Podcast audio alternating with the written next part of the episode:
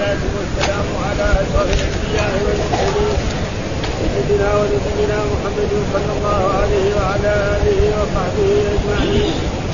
قال الإمام البخاري رحمه الله باب كيف يبايع الإمام الناس. قال حدثنا إسماعيل. قال حدثني مالك عن يحيى سعيد قال أخبرني عبادة بن قال أخبرني أبي عن عبادة بن الصامت قال بايعنا رسول الله صلى الله عليه وسلم على السمع والطاعة في الشر والمكره وأن لا ننازع الأمر أهله وأن نقول أو نقول بالحق حيثما كنا ولا نخاف بالله لومة لائم قال حدثنا عون بن علي قال حدثنا خالد بن الحارث قال حدثنا حميد عن انس رضي الله عنه قال خرج النبي صلى الله عليه وسلم في غداة من دارهم والمهاجرون والأنصار يحفظون الخندق فقال اللهم إن الخير خير الآخرة. فاغفر للأنصار والمهاجرة. فأجابوا نحن الذين بايعوا محمدا على اجتهاد ما بقينا ابدا قال حدثنا عبد الله بن يوسف قال أخبرنا مالك عن عبد الله بن دينار عن عبد الله بن عمر رضي الله عنهما قال قمنا إلى بايعنا رسول الله صلى الله عليه وسلم على السمع والطاعة. يقول لنا فيما استطعتم؟ قال حدثنا مسدد قال حدثنا يحيى عن سفيان. قال حدثنا عبد الله بن دينار. قال شهدت شهدت عمر حيث استمع الناس. حيث استمع الناس على عبد المليك قال كتب اني أخذ بالسمع والطاعة لعبد الله. بالسمع والطاعة لعبد الله. عبد الملك امير المؤمنين على سنة الله وسنة رسوله ما استطعت. وإن استطعت فيما استطعت عندنا استطعت عنه طيب. وإن بني قد أقروا بمثل قال حدثنا يعقوب بن إبراهيم قال حدثنا هشيم قال أخبرنا سجار عن الشعبي عن جرير بن عبد الله قال بايعت النبي صلى الله عليه وسلم على السمع والطاعة تلقنني فيما استطعت ومنه كل مسلم قال حدثنا عمرو بن علي قال حدثنا يحيى عن سفيان قال حدثني عبد الله بن دينار قال لما بايع الناس عبد الملك كتب إليه عبد الله بن عمر إلى عبد الله عبد الملك امير المؤمنين اني وقد بالسمع والطاعه لعبد الله عبد الملك امير المؤمنين على سنة الله وسنة رسوله فيما استطعت وإن بني قد أقروا بذلك. قال حدثنا عبد الله بن مسلمة قال حدثنا حاتم عن يزيد بن عبيد قال عن يزيد بن عن يزيد بن ابي قال قلت لسلمة على اي شيء بايعت النبي صلى الله عليه وسلم. على اي شيء بايعت النبي صلى الله عليه وسلم يوم الحديبية.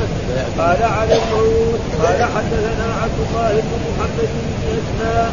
قال حدثنا زبيرية عن مالك عن الزهري أن حميد بن عبد الرحمن أخبره المسور بن مخرمة أخبره أن ظهر الذين ولاهم عمر اجتمعوا فتشاوروا فقال له عبد الرحمن لست بالذي ينافسكم على هذا الأمر ولكن إنكم أخلص لكم منكم فجعلوا ذلك إلى عبد الرحمن فلما ولوا عبد الرحمن أمرهم فما فلما ولوا عبد الرحمن أمرهم فمال الناس على عبد الرحمن حتى ما أرى أحدا من الناس حتى ما أرى أحدا من الناس يتبع أولئك الرهب ولا يقع عقبه. ومال الناس على عبد الرحمن يساورونه يساورونه تلك الليالي حتى إذا كانت الليلة التي أصبحنا منها وبايعنا عثمان. قال المسور طرقني عبد الرحمن بعد هجر من فخرج الباب حتى استيقظ فقال أراك نائما فوالله ما اتحدت هذه الثلاثة بكثير نوم انطلق فدعو الزبير فدعو الزبير وسعدا فدعوته ماله فشاورهما ثم دعاني فقال ادعو لي علي ادعو لي عليا فدعوته فناجاه حتى بار الليل. ثم قام علي من عنده وهو على طمع وقد كان عبد الرحمن يخشى من علي شيئا. ثم قالت ابي ودعوته فناجاه حتى فرق بينهما الصبح حتى فرق بينهما المؤذن بالصبح فلما الناس الصبح واجتمع أولئك مفروض المنبر فأرسل إلى من كان حاضرا من المهاجرين والأنصار وأرسل إلى أمراء الأجناد. وكانوا وافوا تلك الحجه مع عمر فلما اجتمعوا فشهد عبد الرحمن ثم قال اما بعد يا علي قد نوقوا الناس فدمرهم يعدلون بهما فلا تجعلن على نفسك سبيلا. فقال أبايعك على سنة الله وسنة رسوله والخليفتين على سنة الله وسنة رسوله والخليفتين من بعده فبايعه عبد الرحمن وبايعه الناس وبايعه الناس المهاجرون والأنصار وأمراء العباد والمسلمون. أعوذ بالله من الشيطان الرجيم. بسم الله الرحمن الرحيم. الحمد لله رب العالمين. والصلاة والسلام على سيدنا ونبينا محمد وعلى آله وصحبه وسلم أجمعين. آه، في درسنا البارح البارحة الذي قصة يعني هرقل فإن كذبني فكذبوه. نحن قلنا فإن كذبني يجوز بالكذب والذي يظهر من النص فإن كذبني. يقول إيه؟ تشديد في فرق بين هذا وهذا. ها؟ ها؟ في فرق بين هذا. ونذكر لاخواننا لما أنا مثلا أقول شيء غير صواب يتناقش معنا. يعني أي إخوان نحن جلسنا هنا علم فاذا أنا والله قلت. لك لكن ما سمعت. يعني ما ها؟ نحن إخوان. وطلبة علم. واذا مثلا أنا قلت كلام ليس بصواب ما فيش من انسان يسالني ويبين لي هذا حتى نرجع إلى الحق وإلى الصواب مش معناه إنه قال خلاص يترك لا ها؟ نحن إخوان ونحن طلبة علم. فلا بأس أن نتناقش ويسأل ويبان الحق وكذا وأنا عندي استعداد إذا قررت شيء غلط بكره أقول إنه الصواب كذا وكذا. ما في شيء ابدا هذا فإذا كان الأئمة الكبار ما يكشف مالك يسأل عن 33 مسألة ويجاب عن البعض والبعض يقول لا أدري. إيش نحن إيش نقول نحن فما ما في شيء. فلا ابدا يعني أي شيء يعني ابدا وهذا يقول يعني نقول جزاك الله خير. ها أن ترشدنا وأن تقول لنا فان كذبني لأنه كذبني معناه يعني اخبر بشيء كذب عن رسول الله صلى الله عليه وسلم فاشير من بعيد. هنا أما كذبني هذا بالتشديد له معنى آخر. فكذبوه يعني يقولوا إنك كذبت على على الرسول. هذا.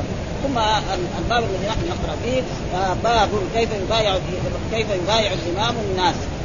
ها باب كذا نقراه كيف يبايع الإمام الناس؟ فكيف هذا يعني الإمام؟ يعني لأن إيه؟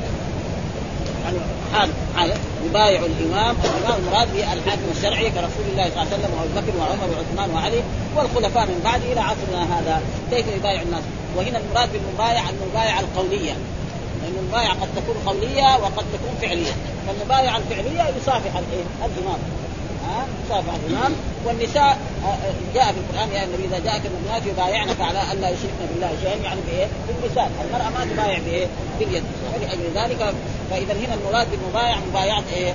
يعني باللسان بالقول.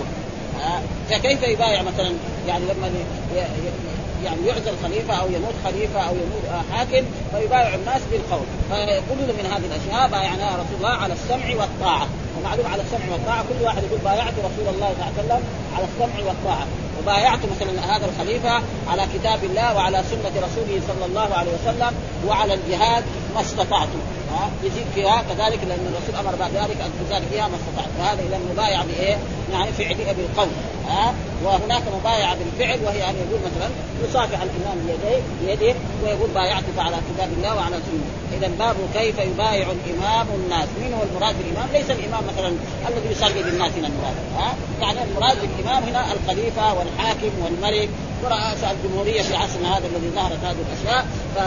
طيب إيش الدليل؟ قال حدثنا إسماعيل قال حدثني مالك عن يحيى بن سعيد قال أخبرني عبادة بن الوليد أخبرني أبي أبي عن عبادة بن الصامت قال بايعنا. والمراد به هو وأصحاب النبي صلى الله عليه وسلم من الانصار رسول على السمع والطاعة في المنشط والمكره. فيقول عبادة بن الصامت صحابي جليل الأنصاري بايعنا. يعني بايع هو وأصحاب الرسول من الأنصار على السمع والطاعه يسمع وجاء في الأحاديث الصحيحة أن الإنسان يسمع من الامام وإن ضرب ظهرك واكل مالك لازم إيه؟ لا تخرج عنه لأن الخروج عن الإمام يؤدي إلى إيه؟ إلى اراقه الدماء ولأجل ذلك أصحاب رسول الله صلى الله عليه وسلم لما نعم جاء الخلفاء الذي عندهم ظلم والحكام الذي عندهم ظلم لم يخرجوا عن طاعة يزيد بن معاوية والحجاج بن يوسف وأمثال ذلك كانوا يصلون خلفهم ويأتمرون بأوامرهم. ولا لأن الخروج عن الإمام يؤدي إلى اراقه الدماء والإسلام لا يريد اراقه الدماء ابدا. فاذا ظلم الحاكم نسمع له ونطيع.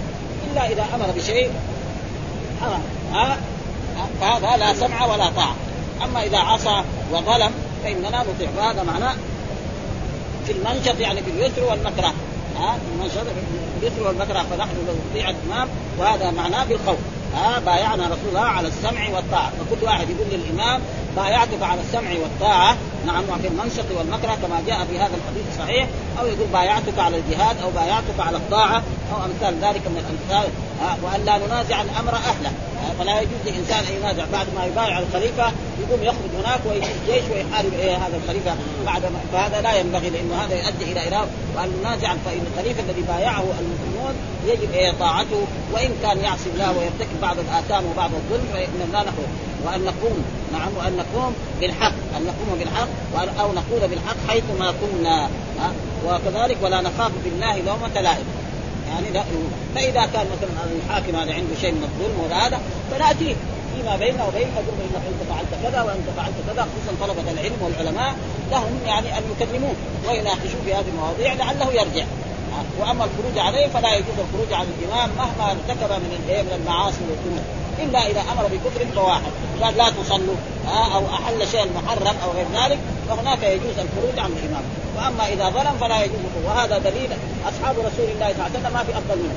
فانهم كان مثلا أصحاب رسول الله كان يزيد بن معاوية. رجل خمار سكين آه والحجاج بن يوسف والأمراء الذين كانوا في العراق في عهد يزيد بن معاوية. يعني شخص أمير يصلي بالناس يعني الفجر أربع ركعات. سكران هو.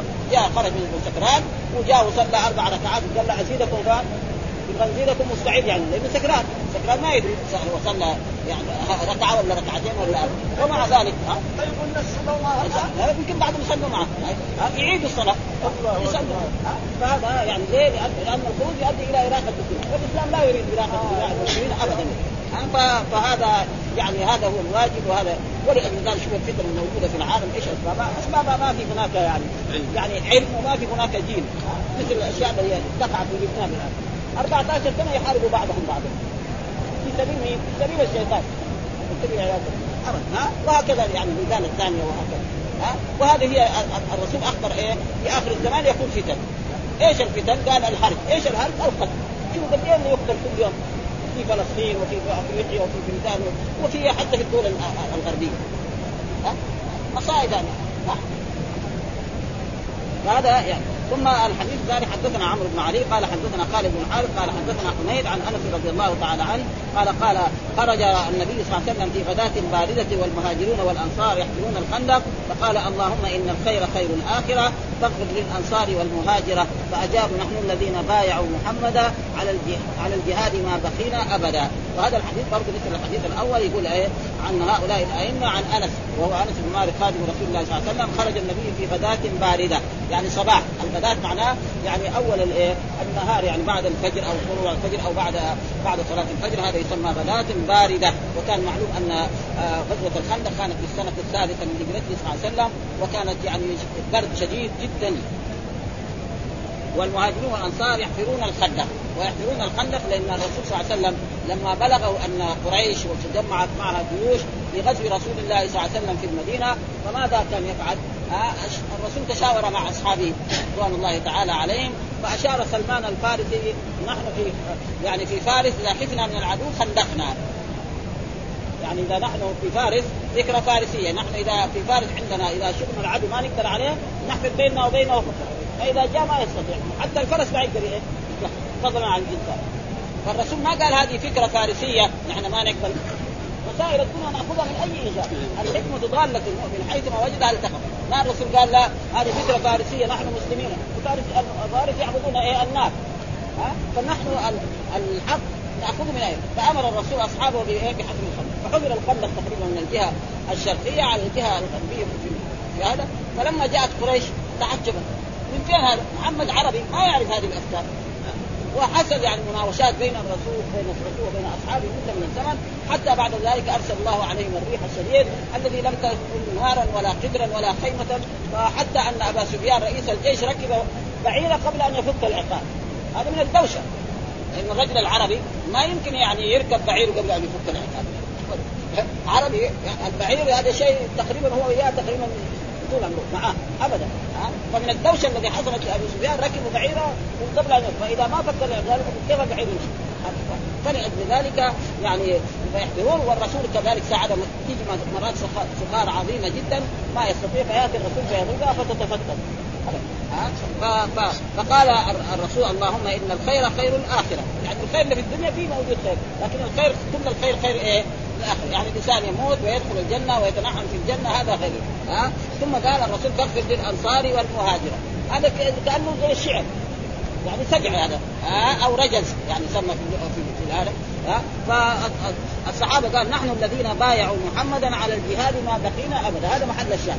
يعني نحن الذين بايعوا محمدا على الجهاد. يعني كذلك يبايع إيه؟ يعني يكون مثلا في عدو فيجي الإمام وينادي الجيش وينادي المسلمين بايعون على الجهاد. كما حصل من رسول الله صلى الله عليه وسلم في غزوة الخندق. فإن في غزوة الخندق الرسول بايع رسول الصحابة بايعوا رسول الله صلى الله عليه وسلم على عدم الفرار. ما يفروا. وكانوا كم هم عددهم؟ 1400 بس. أنهم لا يفروا على أنهم يجاهدوا قريش. ابدا. فهذا معناه وهذا هل يسمى الرسول شاعر؟ الجواب لا. هذا خرج هكذا هذا المخرج لأن الرسول نفى عن الله عنه الشعر وما علمناه الشعر وما ينبغي له. فاذا الرسول وهذا الرجز فيه فوائد. وهذا نحن راينا الآن في عصرنا هذا؟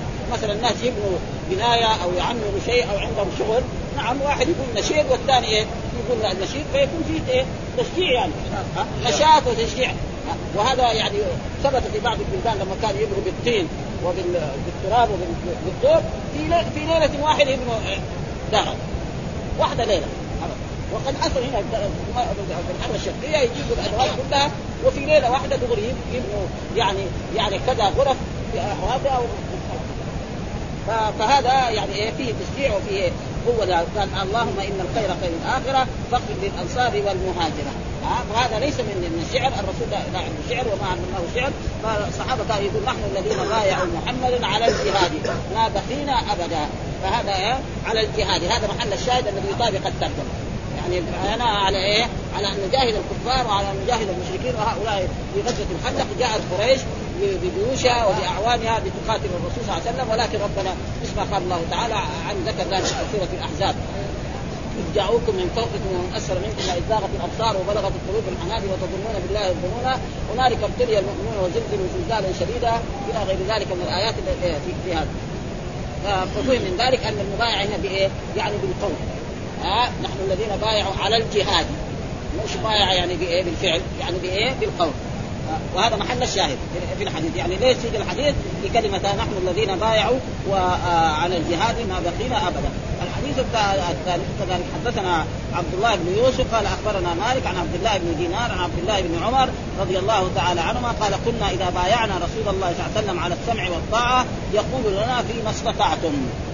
ها؟ يعني كنا إذا بايعنا الرسول صلى الله عليه وسلم في مبايعة إما على الجهاد أو على غير ذلك فيقول على السمع والطاعة ويقول لنا فيما استطعتم. الله لا يكلف نفسا إلا وسعها. يعني مو يعني ما يخالف مرة واحدة. يمكن بعض المرات إذا ما خالف في بعض الشيء فربنا يسامح. هذا معناه يعني, يعني على السمع والطاعه ويقول والرسول يزيد يقول فيما استطعتم. ها يزيد إيه؟ كلمة في مصطلح يعني على السمع والطاعه قد يمكن مثلا الإمام يأمره بشيء وهو يخالف. فإذا خالف الإمام يعني فيه نقص لازم ما يخالف. فإذا خالف فإذا قال فيما استطعتم فربنا يعني لا يعاقب على هذه المخالفة التي حصلت. وبرضها وهو محل الشاهد بايعنا على السمع والطاعة. وهذا لازم يقولها بلسانه مبايعة الإمام أو الحاكم على السمع والطاعة.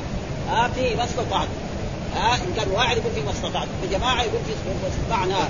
ها وهنا فيما استطعتم يعني الرسول أمرهم بأن يزيدوا هذا آه ثم ذكر حدثنا مسدد قال حدثنا يحيى عن سفيان حدثنا عبد الله بن دينار قال شهدت ابن عمر حيث اجتمع الناس على عبد الملك قال كتب. إني أقر بالسمع والطاعة لعبد الله عبد الملك أمير المؤمنين على سنة الله وسنة رسوله صلى الله عليه وسلم واستطاعت وإن بني قد أقروا بمثل ذلك. معلوم أن أن معاوية بن أبي سفيان لما تنازل الحسن له عن الخلافة فإنه بعد ما يعني قتل علي يعني استشهد علي بن أبي طالب رضي الله تعالى عنه وبويع ابنه الحسن. نعم. فابن الحسن الرسول أخبر عنه مر علينا في دراستنا أن الرسول قال إن ابني هذا سيد وسيصلح الله به بين فئتين عظيمتين من المسلمين. كذا الرسول أخبر إن ابني هذا. يعني والحفيد يسمى ابنه. هو ما هو ابن الرسول ابن بنته. نعم؟ قال إن ابني هذا سيد. فلما بويع الحسن و... وأراد أن يحارب معاوية نادى معاوية ليش نحن نتحارب؟ تريد الملك؟ أنا متنازل. خلاص عام 40 وصار إيه؟ يعني أمان و... وتنازع عن الخلافه وأصبح. ثم معاوية أصبح خليفة واستمر على ذلك تقريبا 20 سنة. يعني 20 سنة أمير و20 سنة خليفة ربنا يعطي من شاء آه علي بن أبي طالب الذي هو أفضل منه وأعظم منه من كل شيء ما حصل إلا كم أربع سنوات وكلها في إيه؟ ليه؟ لأن الله أعطى بني هاشم إيه؟ النبوة والرسالة ما أعطاهم ها آه؟ والرسول أخبر الخلافة بعدي ثلاثون الرسول أخبر في حديث صحيح أن الخلافة بعد رسول الله كم؟ ثلاثون سنة الرسول توفي عام 11 علي بن أبي طالب استشهد عام كم؟ 40 بعد ذلك يكون ملكا عظيما. فمعاوية ومن بعد إلى يومنا هذا يسمى ملوك. ما يسمى خلفاء لكن الناس سموهم خلفاء. فالخلفاء الصحيح هم الخلفاء الراشدون الأربعة ويمكن كذلك يأتي معهم هذا. فلما ما ثم بعد ذلك معاوية حرص كل الحرص أن يكون ابنه يزيد خليفة. ويزيد ما يصلح الخلاف وجاء إلى المدينة وبايعوه الناس بالخليفه كان من جملة الذي أبى أن يبايع عبد الله بن عمر بن الخطاب. والزبير بن عوام وعبد الله بن الزبير وغير ذلك هذول أبوا أن يبايعوا. واستمر ذلك وبعد ذلك كذلك بعد يزيد جاء إيه؟ يعني معاوية الثاني. وكان رجل صالح. شاف نفسه قال أنا ما أبغى الخلاف بني أمية خشوا أن إيه؟ يذهب الملك عليهم.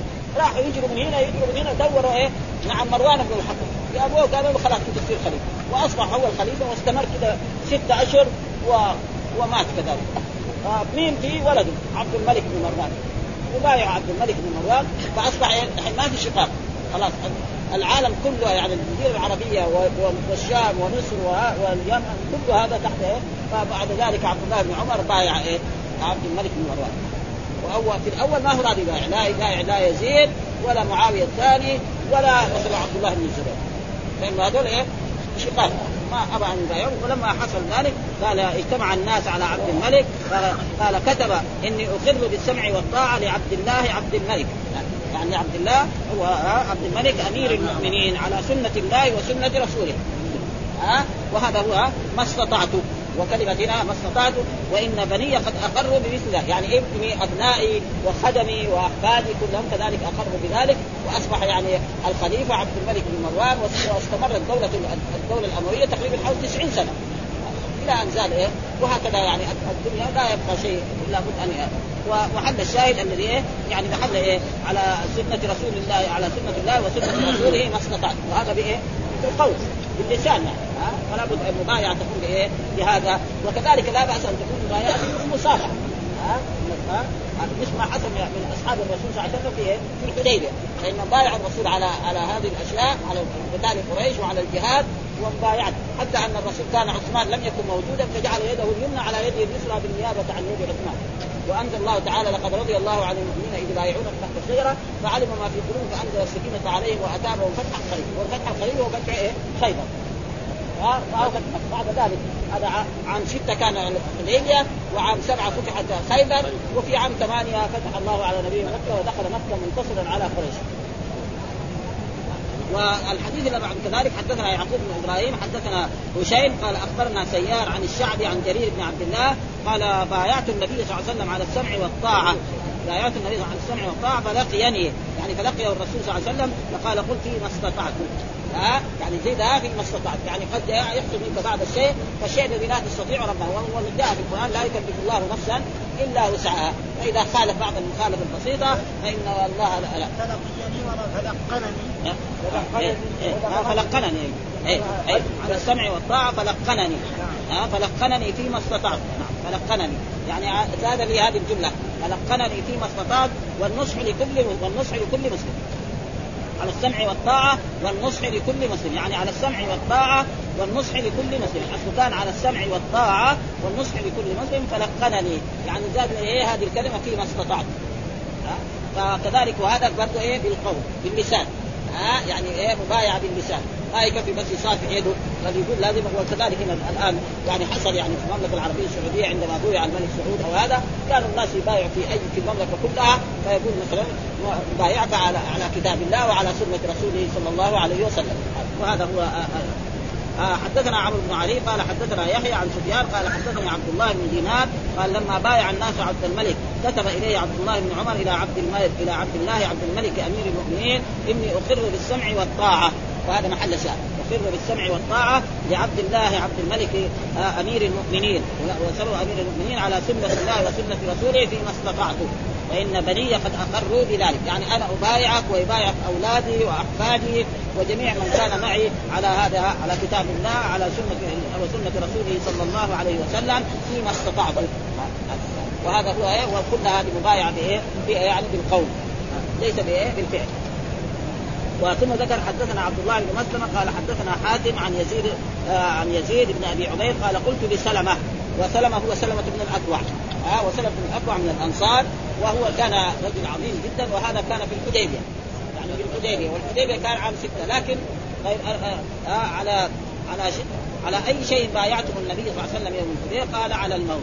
يعني سأل بعض التابعين سلمة بن الأكوع بصفه الصحابي كنت بايعته الرسول في صلح الحديبيه على أي شيء؟ قال بايعناه على الموت.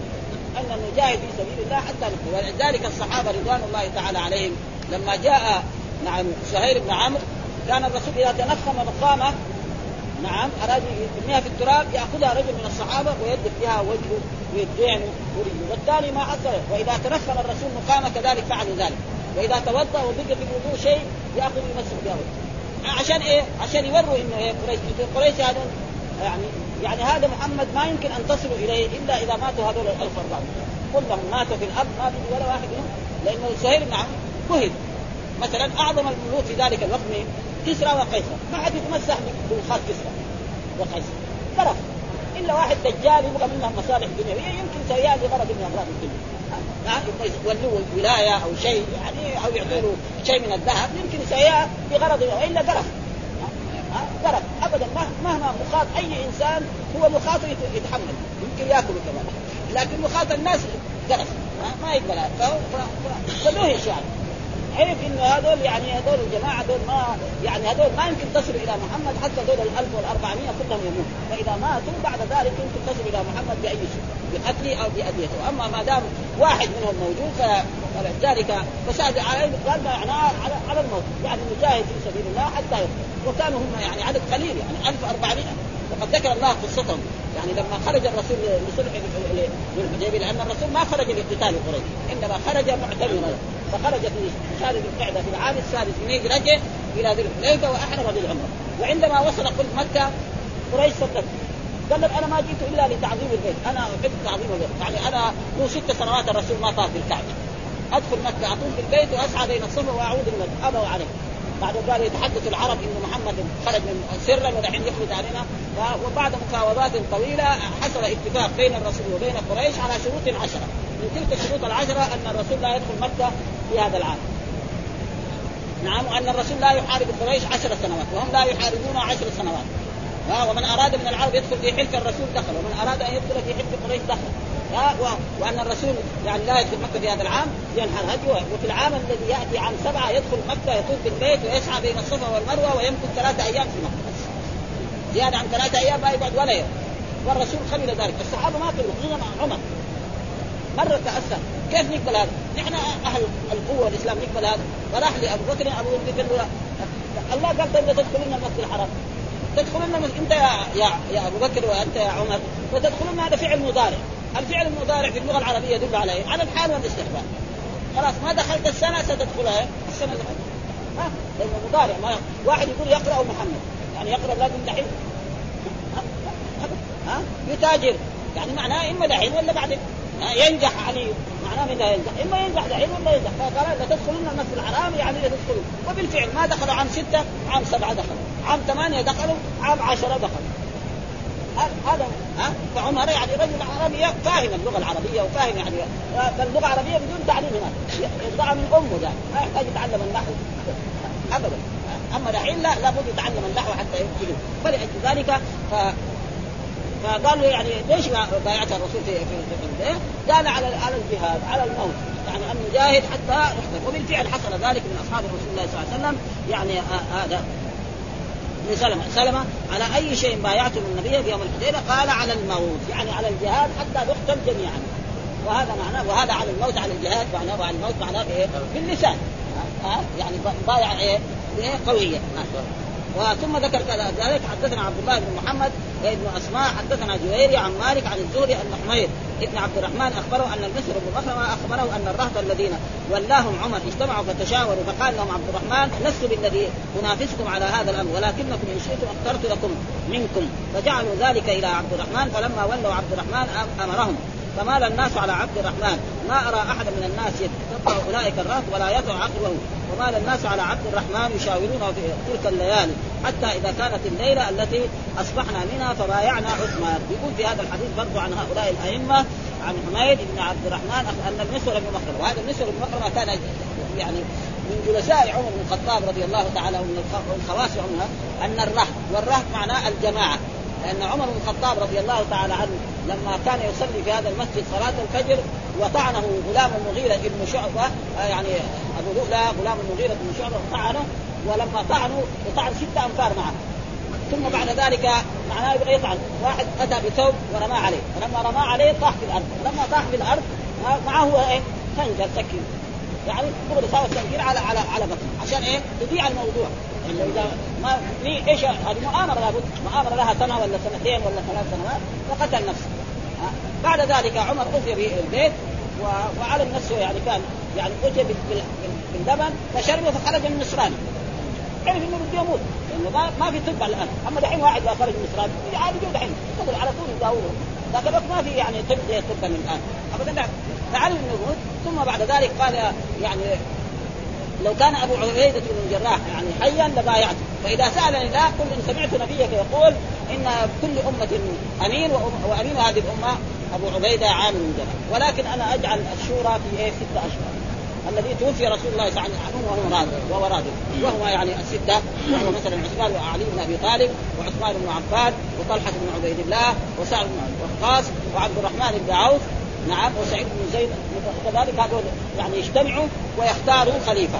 فإذا اجتمعوا كلهم على واحد والآخرين أبوا يقول يقتل كذا عمر عشان لا يصير تفرقة بين المسلمين. مثلا قالوا ثلاثة منهم ولا أربعة منهم الخليفة فلان. الثانيين قالوا لا هذول تقتلوه خلاص.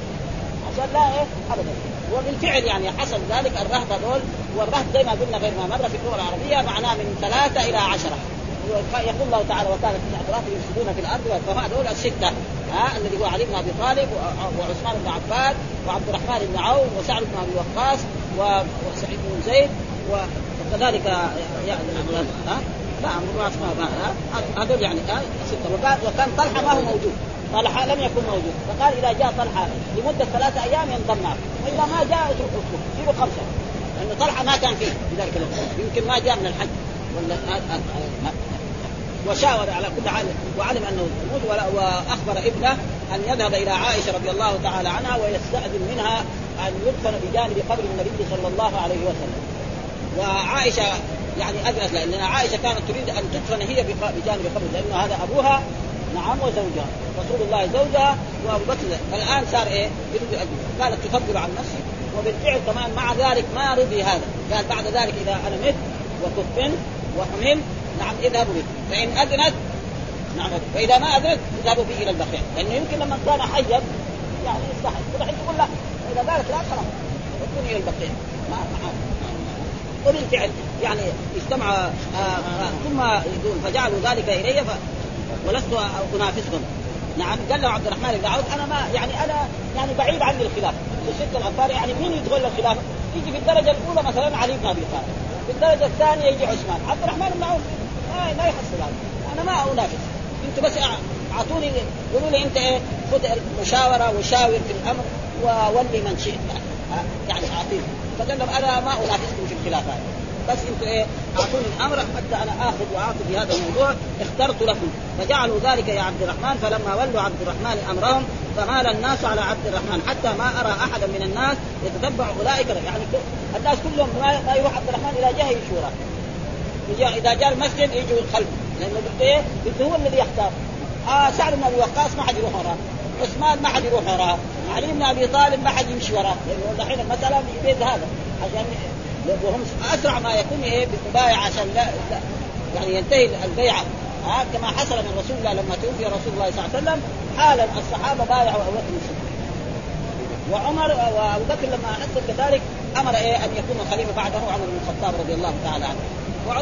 وعمر قال لا يجعلها في إيه؟ في, في, الرهب الذي توفي رسول الله صلى الله عليه وسلم عنه ما تلك حتى إذا كانت الليلة التي أصبحنا منها فبايعنا عثمان. يعني الليلة بعد يوم أو يومين أو ثلاثة أيام فبايعنا قال المسور فرقني عبد الرحمن. يعني جاءني ليلة. عبد الرحمن بن عوف جاء إلى بيتي وطرق الباب. نعم فلما طرق الباب وجاء يعني المسور بن مخرمة بلغني عبد الرحمن بعد هجع من الليل. يعني بعد إيه؟ نصف الليل تقريبا. ها بعد ما فضرب الباب حتى استيقظت فقال أراك نائما؟ فوالله ما اكتحلت هذه الثلاثه بكثير نوم. يعني أنا لي ثلاثة أيام ما بأنام إلا نوم قليل. ها لأن هذه المسألة شغلتني. ها مين يكون مين الخليفة؟ بعد عمر بن الخطاب رضي الله تعالى ها وهذول وعمر جعله في هؤلاء السته نختار واحد منهم. ها انطلق فادعوا الزبير. ها فادعوا ها الزبير وسعدا فادعوا الزبير بن عوام وسعد بن وقاص فدعوتهما له ها فتشاور تشاورهما. يعني تشاور جلس معهم ويقول هو كان بعض الكلام يسمع والبعض الكلام لا يسمع. يعني هو جلس في محل حال. بعض الكلام الذي سار بين عبد الرحمن بن عوف وبين سعد وبين هذا يعني يسمع عن بعضهم. فقال ثم قال ادعو لي عليا. وحده فذهب ودعوت له علي فلما جاء حتى بهار الليل يعني ذهب أكثر الليل. هذا كان في أول الليل مع سعد والزبير. ودحين بعد ذلك مع علي فناجاه حتى بهار الليل ثم قام علي من عنده وهو على طمع يعني قال له إيه؟ يعني لو بايعناك أنت يعني تمشي على كتاب الله وعلى سنة رسوله صلى الله عليه وسلم وعلى طريقة الخليفتين الذين قبلك ها؟ فقال علي قال لا ما استطعت يعني أنا ما أقدر أمشي على على يعني طريقة الخليفتين الذي هو أبو بكر وعمر. ما استطعت عثمان لما ناداه وتشاور معاه قال له تمشي على على نهج الخليفتين كذلك؟ قال نعم. فلأجل ذلك هو من هذا اختار إيه عثمان. ثم شاور الناس أكثر الناس. يعني وجد أكثر الناس يميلوا إلى عثمان أكثر من غيرهم إلى علي بن أبي طالب.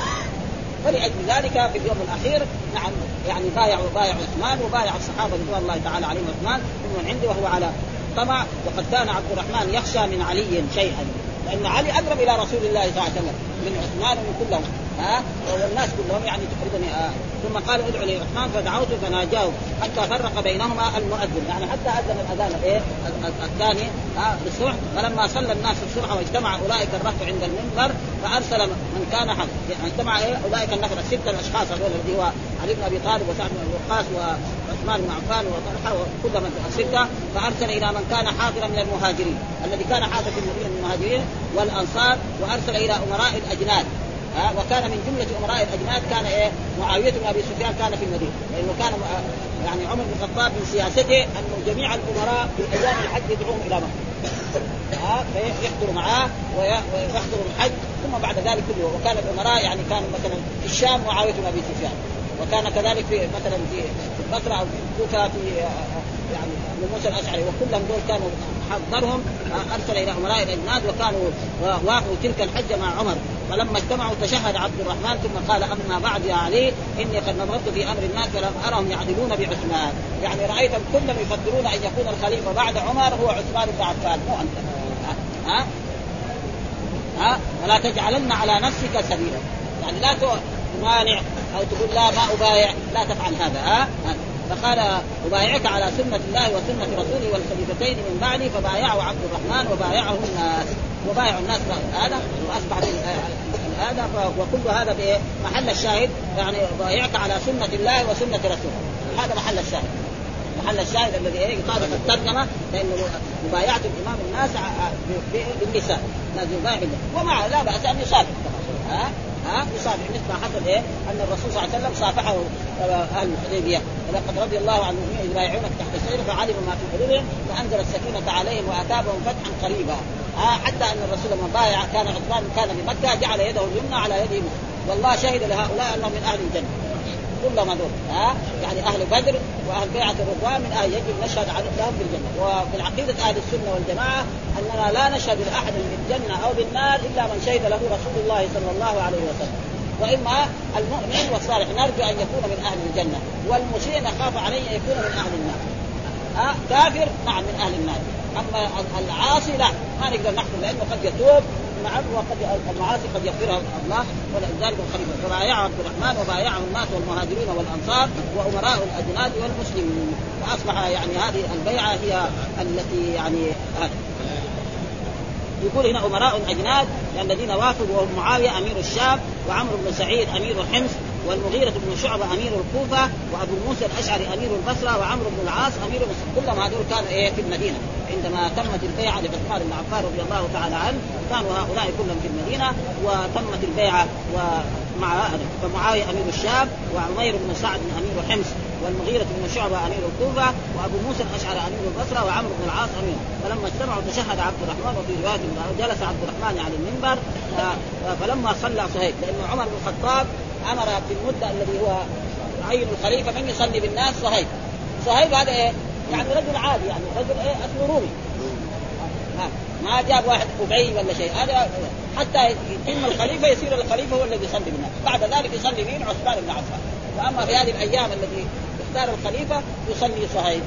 وصهيب معروف إنه رجل يعني كان ما له أي هذا وكان في مكة تاجر وبياع وحتى حصل جميع كثير من الأموال ولما أراد أن يهاجر قالوا لا تخرج من مكة إلا إيه انت جيت فقير هنا في مكة.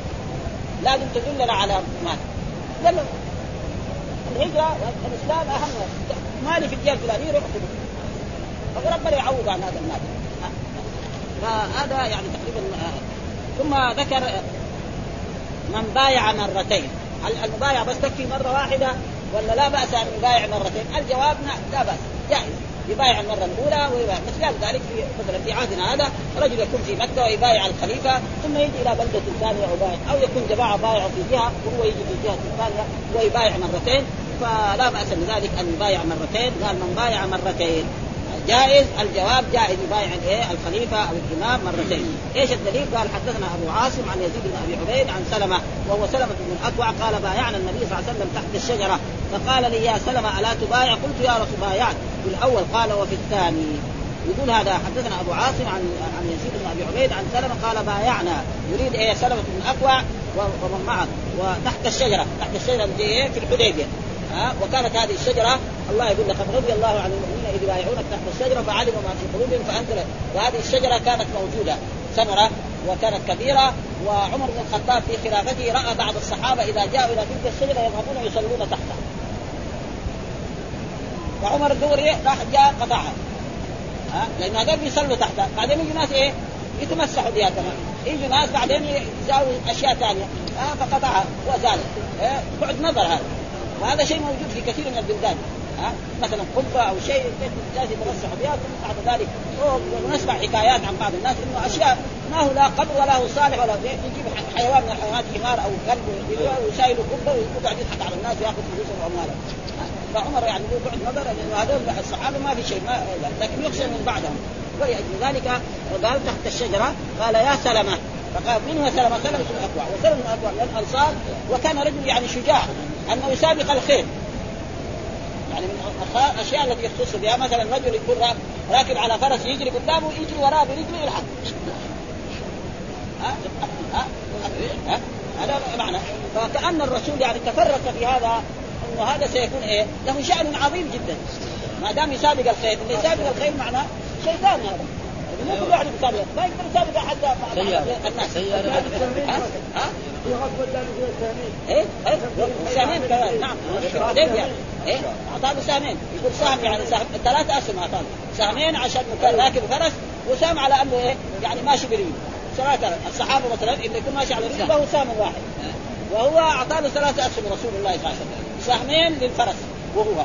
وفرس إيه؟ يعني راجل كان يمشي برجله.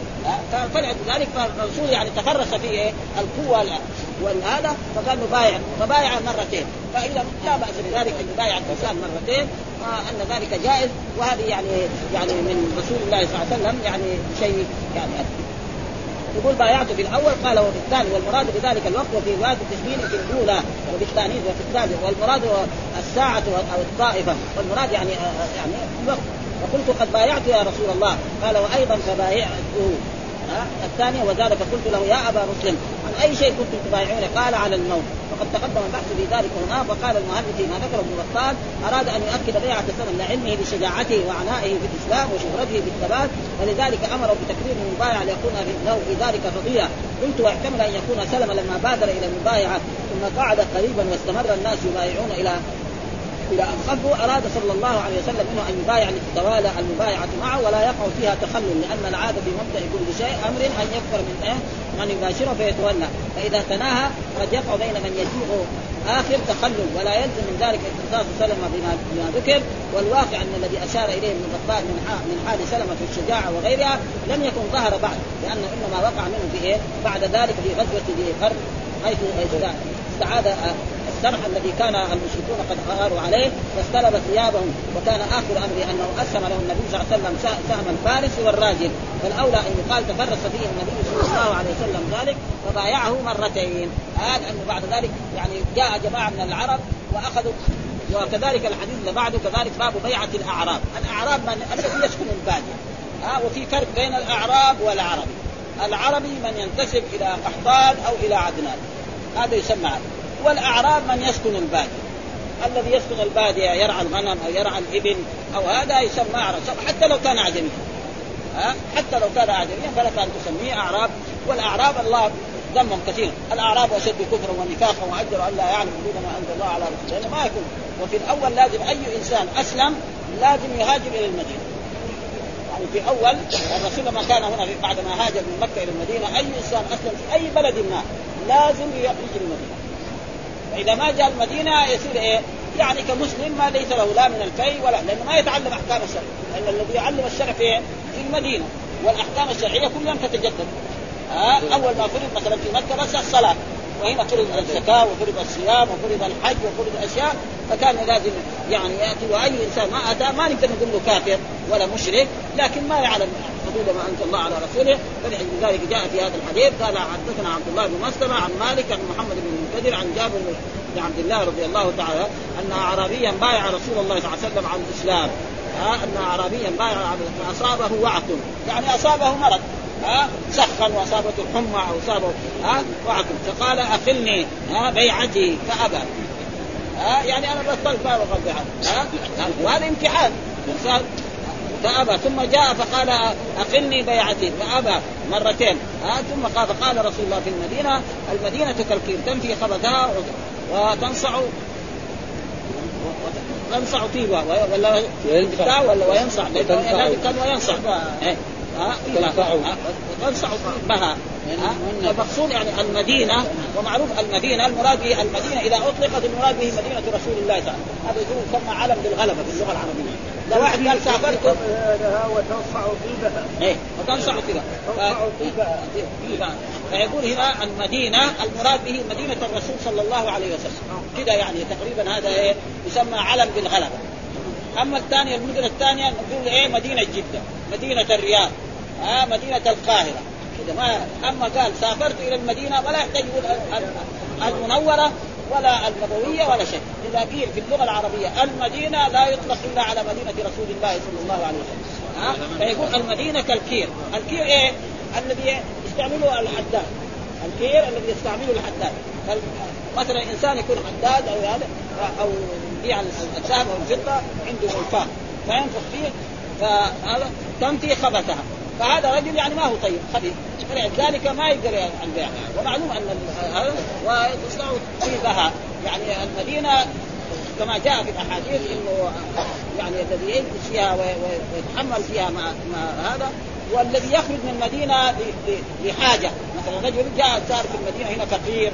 وحالته كلها من ويخرج من المدينة للفقر وللحاجه فلا بأس بذلك فان الله قد يشاء، لكن الذي يخرج من كذا ولذلك جاء في الأحاديث الصحيحة المدينة خير لهم لو كانوا يعلمون.